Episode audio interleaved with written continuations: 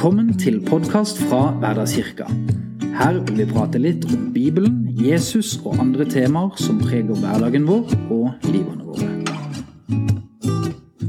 Dette er femte episode i serien Kan vi stole på Bibelen? Vi har tidligere undersøkt om vi har grunn til å tro at skriftene i Det nye testamentet, og spesielt evangeliene, er til å stole på, og om historien om Jesus da er sann. Forrige gang fant vi ut at vi kan være sikre på at Jesus faktisk ble henretta ved korsfestelse, og at påstander om at han kunne ha overlevd, er stikk i strid med både moderne legevitenskap og historiske bevis. I dag skal vi se på evangelienes påstand om at Jesus sto opp igjen fra de døde.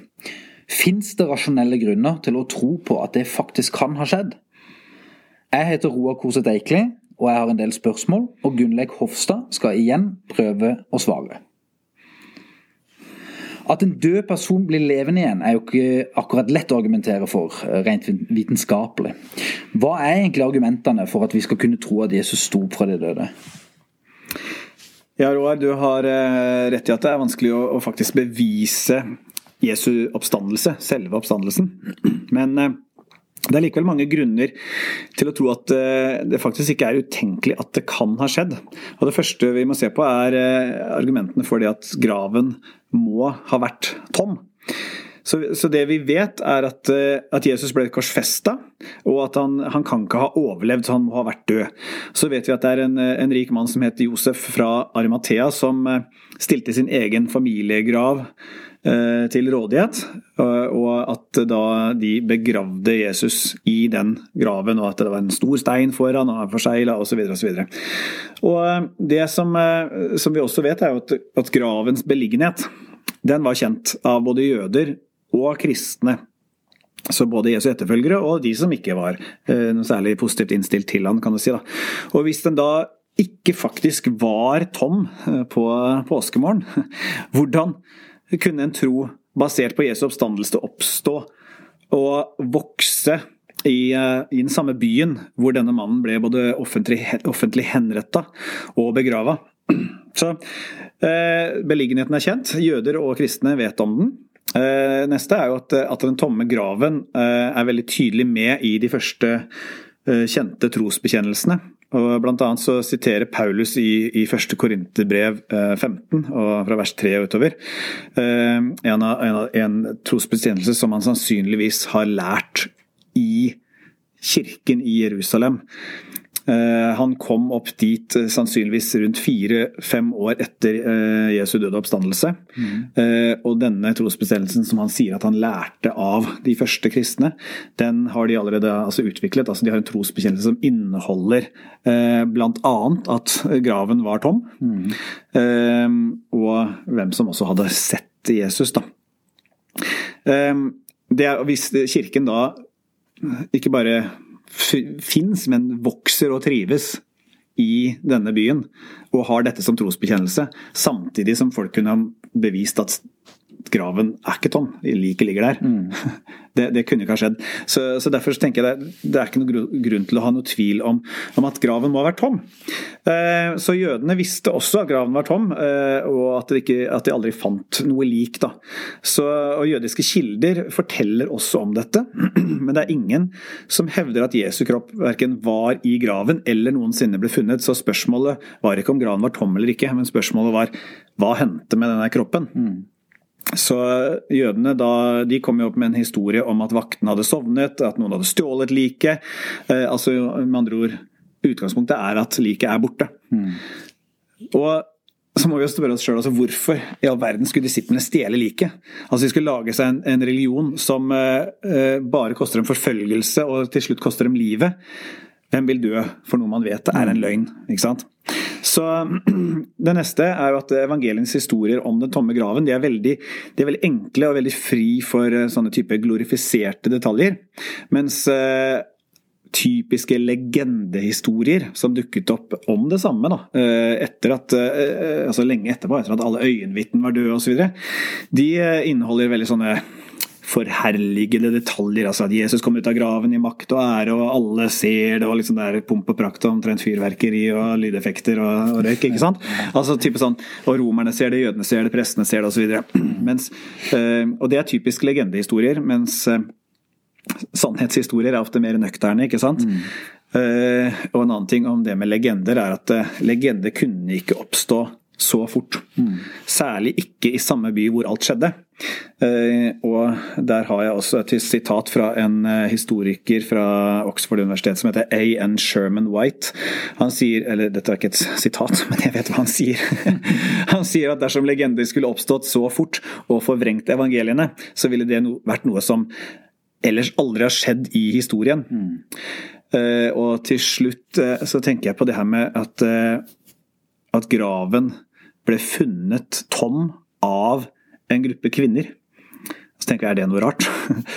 Eh, ja, faktisk. I, i, den, eh, I, samtiden her så ville det på en måte vært en litt pinlig affære. For at det, eh, det ville ikke vært noe veldig sånn sannhetsgehalt liksom, i kvinners uttalelser, faktisk. I forhold til hvordan kjønnsmønstre, og kjønnsrollen og sånn var på den tida der. Så hadde de funnet opp dette her, hadde disiplene funnet opp dette, så hadde det jo ikke vært kvinnene som oppdaga det. Det hadde jo vært noen av de kuleste disiplene. Peter, Johannes eller noe sånt. Noe, Men hvis vi stopper litt der selve historien om, eh, om, disse kvinnene som oppdager den tomme graven, er jo ganske forskjellig i de forskjellige evangeliene. Og eh, Mange vil vel mene at ulikhetene i de historiene svekker troverdigheten til um, at det er riktige gjengivelser av det som hendte. Ja, og det, det, er jo ikke et uvanlig argument fra skeptikere, det du sier der. Vi snakka jo i episode én om det at ofte så vil jo øyenvitner beskrive ting forskjellig. Eh, ut ifra ulike perspektiver. Eh, og Dette er jo egentlig bare et eksempel på hvordan en og samme historie er blitt gjenfortalt av forskjellige personer fra litt forskjellige perspektiver, og man har vektlagt litt forskjellige ting. Mm. Jeg kan jo si litt, eh, litt om det. Altså, alle evangeliene har jo en historie om dette. Så du finner det i Matteus 28, i Markus 16, i Lukas 24 og Johannes 20. Og for eksempel er det en ting som er felles. Eh, er at det er kvinner i alle sammen. Mm. Det er kvinnene som kommer først. Og det er iallfall én som heter Maria. Eh, Matteus har to Mariaer. Markus har to Mariaer og en som heter Salome. Mm. Uh, Lukas har to Mariaer og en som heter Johanna, og pluss de andre kvinnene. Altså det er flere. Mm. Mens Johannes kapittel 20 snakker bare om Maria. Ja. Maria Magdalena. Så spørsmålet er er det en uoverensstemmelse. Eller er det at eh, f.eks. Johannes fokuserer på den som var mest kjent, eller den som kanskje var på en måte, kanskje hovedpersonen i historien? da. Mm. Uh, og alle har jo tydelig med Maria, og stort sett uh, enige om at det er to av dem. Uh, også, I og med at Lukas også snakker om de andre kvinnene. Mm. han nevner ikke Salome, som Markus nevner, men det er tydeligvis Salome en av de andre kvinnene, så det var tydeligvis enda flere. Så det var antagelig en gruppe kvinner. Men i forhold til hvilken publikum man snakker til, eller hvem man kjente best, eller hvem som er mest kjent og kjær for det publikum man snakker til, så velger man å og, og si, fokusere på de navnene man kjenner, kanskje. Så, eh, så, det er jo ikke noe, tenker jeg ikke er en uoverensstemmelse. Så er det det med, med, med steinen som i Markus, Lukas og Johannes allerede er rullet bort når damene kommer til graven.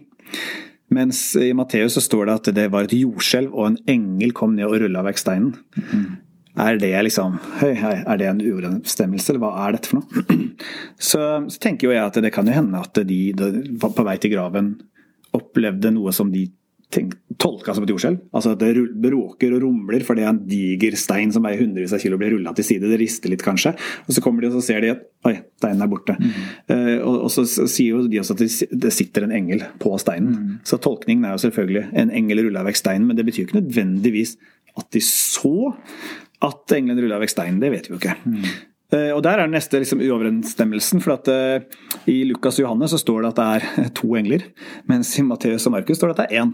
Ja. Uh, I Matteus så sitter denne engelen på steinen, så er den altså ute. I Markus er denne engelen inne i graven. Lukas virker det som uh, om at de er inne, uh, og Johannes er de inne i graven, uh, men, de, men, de, blir ikke beskrevet at de ser dem før da damene har hentet disiplene, og så Peter og Johannes kommer tilbake. så igjen, ja. Det er visse uoverensstemmelser. det vi kan stole på, er at de så de så engler, Mm. så, så, kan det jo hende at det var kanskje det var en ute og en inne. Kanskje den ene var ute andre var inne, andre kom inn etterpå. Eller, altså, jeg vet ikke jeg. Men, men det, er ikke, det, er ikke, nok til å tenke at her har de rota det til. Ja. Eh, det står jo også eh, om responsen til damene, bl.a. at at de løper for å fortelle om hva som har skjedd. De har opplevd noe stort, de løper av gårde og forteller til disiplene. Men, men i Markus så står det at de løper vekk i frykt og forteller det ikke til noen. Ja. Men vi vet jo at det skjedde. Markus har skrevet det. Mm. Så de har jo selvfølgelig fortalt det. Mm. så hva betyr det? Det betyr jo ikke at de aldri fortalte det til noen. Det betyr at de løp vekk. Eh, og fortalte det antagelig ikke til noen av de de traff på veien. Mm. Men når de kommer til de de stoler på, disiplene, altså Peter, Johannes osv., så, videre, så forteller de det til dem. da. Mm. Så historikere bryr seg ikke om disse Det er bare de som er veldig skeptiske til Vivian som bryr seg om disse uh, avvikene. Så historikerne bryr seg ikke. Uh, det er jo sånn at Hva jeg skulle si? Jo. hoveddetaljene stemmer overens. Josef er fra Arimathea. Legger Jesu kropp i en grav. Graven besøkes av en gruppe kvinnelige disipler tidlig søndag morgen. De finner graven om, tom. De ser engler som forteller dem at Jesus har oppstått. Mm. Så, så, det tenker jeg er helt innafor det som, som, man forventer av øyenvitneskildringer. At det er et visst, uh, uh, visst, avvik som gjør at man vet at de har ikke gjort en sammensvergelse for å få historiene sine til å stemme overens. Da. Mm. Ok, men um, la meg komme med et annet mulig avvik når det gjelder graven. For I Matteus kapittel 12 så sier Jesus følgende om seg selv. Ehm, for slik profeten Jonah var i buken på den store fisken i tre dager og tre netter, slik skal menneskesønnen være i jordens dyp i tre dager og tre netter. Men eh, hvis Jesus døde på, på fredag, og graven var tom på søndag morgen, så er jo ikke det tre dager og tre netter. Det er jo bare en liten del av to dager, altså fredagen og søndagen pluss mm. Eh, lørdagen, da. og så bare to netter og ikke tre. Ja, det høres jo også galt ut. Uh, og, og, her er det, eh, på en måte det som er uoverensstemmelsen her, er at det liksom virker som om si, profetien til Jesus ikke stemmer overens med det som faktisk skjer. Uh, så, men det som er at uh, ifølge jødisk tidsregning på den tida, så kunne man regne hvilken som helst del av en dag som en full dag. Mm. altså sånn som vi vil tenke et døgn, da. altså en 24-timersperiode. Så, så han var i graven på fredag. Han var i graven på lørdag, og han var i graven på søndag. Mm. Eh, så det er jo på en måte eh, Man nevner det som tre døgn, selv om det ikke er hele. Så tre 24-timersperioder. Og Derfor så, så ville det ikke vært noe unaturlig å beskrive det som tre netter og tre dager, selv om i vår kultur og vårt språk så høres det eh, veldig rart ut i forhold til virkeligheten der, da. Riktig. Mm. Men eh, det har en, en annen skeptisk tanke også. Um, er det ikke riktig å anta at kvinnene som oppdaga den tomme graven, ikke nødvendigvis var til å stole på, siden de altså var Jesus sin, sin innerste krets? Um, altså at de ikke var eh, objektive vitner? Eh, jeg vil nesten si tvert imot. Og med tanke på det vi snakka om i stad, at de faktisk da var kvinner. Eh, hadde større grunn til å tenke på det hvis det var eh, de mannlige disiplene. Mm. Så, så, egentlig så, så, taler det for at det er en historisk eh, korrekt gjengivelse, heller enn en legende. Så kvinner var veldig langt ned på rangstigen på den tida, og kvinners eh, vitnesbyrd ble ikke regna med i rettssaker. Så hvis, hvis, du hadde gjort noe galt, og det var bare et par kvinner som hadde vitna at du stjal noe eller drepte noen, så, så telles det ikke, liksom. Hvis ikke en mann eller to har vært og sett det, så, så er det ikke troverdig, liksom. Og eh, jeg kan jo gi deg et par sitater fra eh, rabbier, altså jødiske lærere fra eh, omtrent Jesus samtid, da, som skriver eh, følgende. Det er en som heter eh, rabbi Elieser. Han, han skrev 'La lovens ord heller bli brent' enn overleverte kvinner. Den som lærer sin datter Toraen, altså Gamletestamentet, eh, er lik en som lærer henne obskuniteter. Så kan du tenke deg, eh, Det er som, som en, en, bibellærer på, i, i, Norge i dag hadde sagt at liksom, nei, jeg tar heller og brenner Bibelen enn å ha jenter som elever i klassen min. Ja.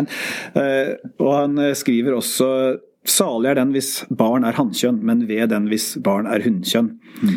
Så det sier jo litt altså Alle var nok ikke eh, så kvinnefiendtlige som han nødvendigvis, men det sier jo litt om, uh, om kulturen. Mm. Um, og hadde dette her vært oppdikta, så ville man ha valgt menn som vitner for å være mer da i gåsehudene pålitelige. Uh, og så må vi også huske på det at det er ingen historiske kilder som hevder at graven ikke var tom. Så disse kvinnene bevitner bare det samme som alle i Jerusalem visste, at graven var tom, og Jesu kropp ble aldri funnet. Og eh, en annen professor i historie fra Oxford-universitetet, som heter Michael Grant, han skriver følgende det er riktig at oppdagelsen av den tomme graven er forskjellig beskrevet i de respektive evangeliene, men dersom vi legger til grunn de samme kriterier som ved alle andre antikke litterære kilder, da er bevisene faste og troverdige nok til å nødvendiggjøre konklusjonen at graven virkelig ble funnet tom. Og dette er ikke en kristen historiker, så dette er bare en, en vanlig, litt skeptisk professor i historie. Ja. ja. Altså, så, så, vi kan rasjonelt sett slå oss til ro med at graven den må ha vært tom, og at Jesu kropp aldri ble funnet. Men det beviser jo ikke selve oppstandelsen. Å stå opp fra de døde er jo uansett et mirakel, eh, og stemmer dårlig overens med, med våre menneskelige erfaringer. Ja, det har du egentlig rett i. Det er klart det må, være, det må, det må noe tro til for å ha dette her. Eh, men hvis vi eh, fortsetter å sitere vår, vår skeptiske historieprofessor fra Oxford, Michael Grant, så sier han faktisk da, og dette er en person ikke, som ikke tror, mm. altså han sier hypotesen om at Gud reiste Jesus fra de døde, motsier ikke vitenskapen eller noen annen opplevde fakta. Alt det krever, er at hypotesen Unnskyld. Alt det krever, er hypotesen om at Gud eksisterer. Så det er riktig at vi ikke kan bevise si, selve oppstandelsen, men vi kan bare bevise at graven var tom og at Jesu kropp var borte. Eh, men vi kan være helt sikre på at både apostlene og hundrevis andre disipler var 100 overbevist om at han levde. Mm. Eh, fordi de hadde sett ham, som du beskriver. Da. Eh, jeg kan jo lese kort fra første korinterbrev. Eh, kapittel 15, som jeg nevnte litt om i stad når Paulus siterte denne trosbekjennelsen. Og Vi kan lese fra vers 3. For først og fremst overga jeg til dere det jeg selv har tatt imot. At Kristus døde for våre syndere etter Skriftene, at han ble begravet, at han sto opp den tredje dagen etter Skriftene, og at han viste seg for Kefas, som er Peter, og deretter for de tolv. Deretter viste han seg for mer enn 500 søsken på en gang. Av dem lever de fleste ennå, men noen er sovnet inn.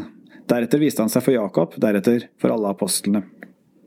Så eh, her noen, altså Mens de fleste av disse vitnene, altså det er hundrevis av dem, mens de fleste av disse lever, så skriver Paulus dette brevet.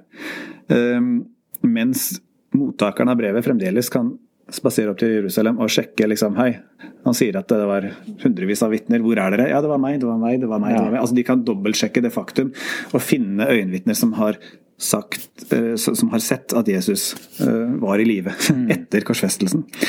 Eh, og disse her, og Vi vet jo ikke så veldig mye om disse 500, men vi vet jo mye om de tolv apostlene. Og vi vet at de levde og døde for dette. Og mm. hadde de levd og dødd for det hvis de visste det var en løgn? Mm. Så jeg tenker jo, Nå har vi jo sett på gjennom disse episodene sett på, på evangeliene og funnet ut at, ja, at jo, vi har god grunn til å tro på at evangeliene er troverdige. Hvis evangeliene er troverdige, da kan vi også tro at apostlene er troverdige. Og hvis apostlene er troverdige, da kan vi også tro at oppstandelsen er troverdig. Da. Mm. Mm. Men for mange så er det likevel nærliggende å tenke at apostlene kunne ha funnet opp dette med oppstandelsen. Det virker for utrolig. Og det er lett å konkludere med at de må ha blitt enige om å fortelle en løgn for å kunne holde denne Jesusbevegelsen i live også etter hans død. I neste episode så ser vi litt nærmere på nettopp denne konspirasjonsteorien. Du har nå hørt en podkast fra Hverdagskirka. Følg Hverdagskirka på Facebook for oppdateringer om nye episoder og nye serier.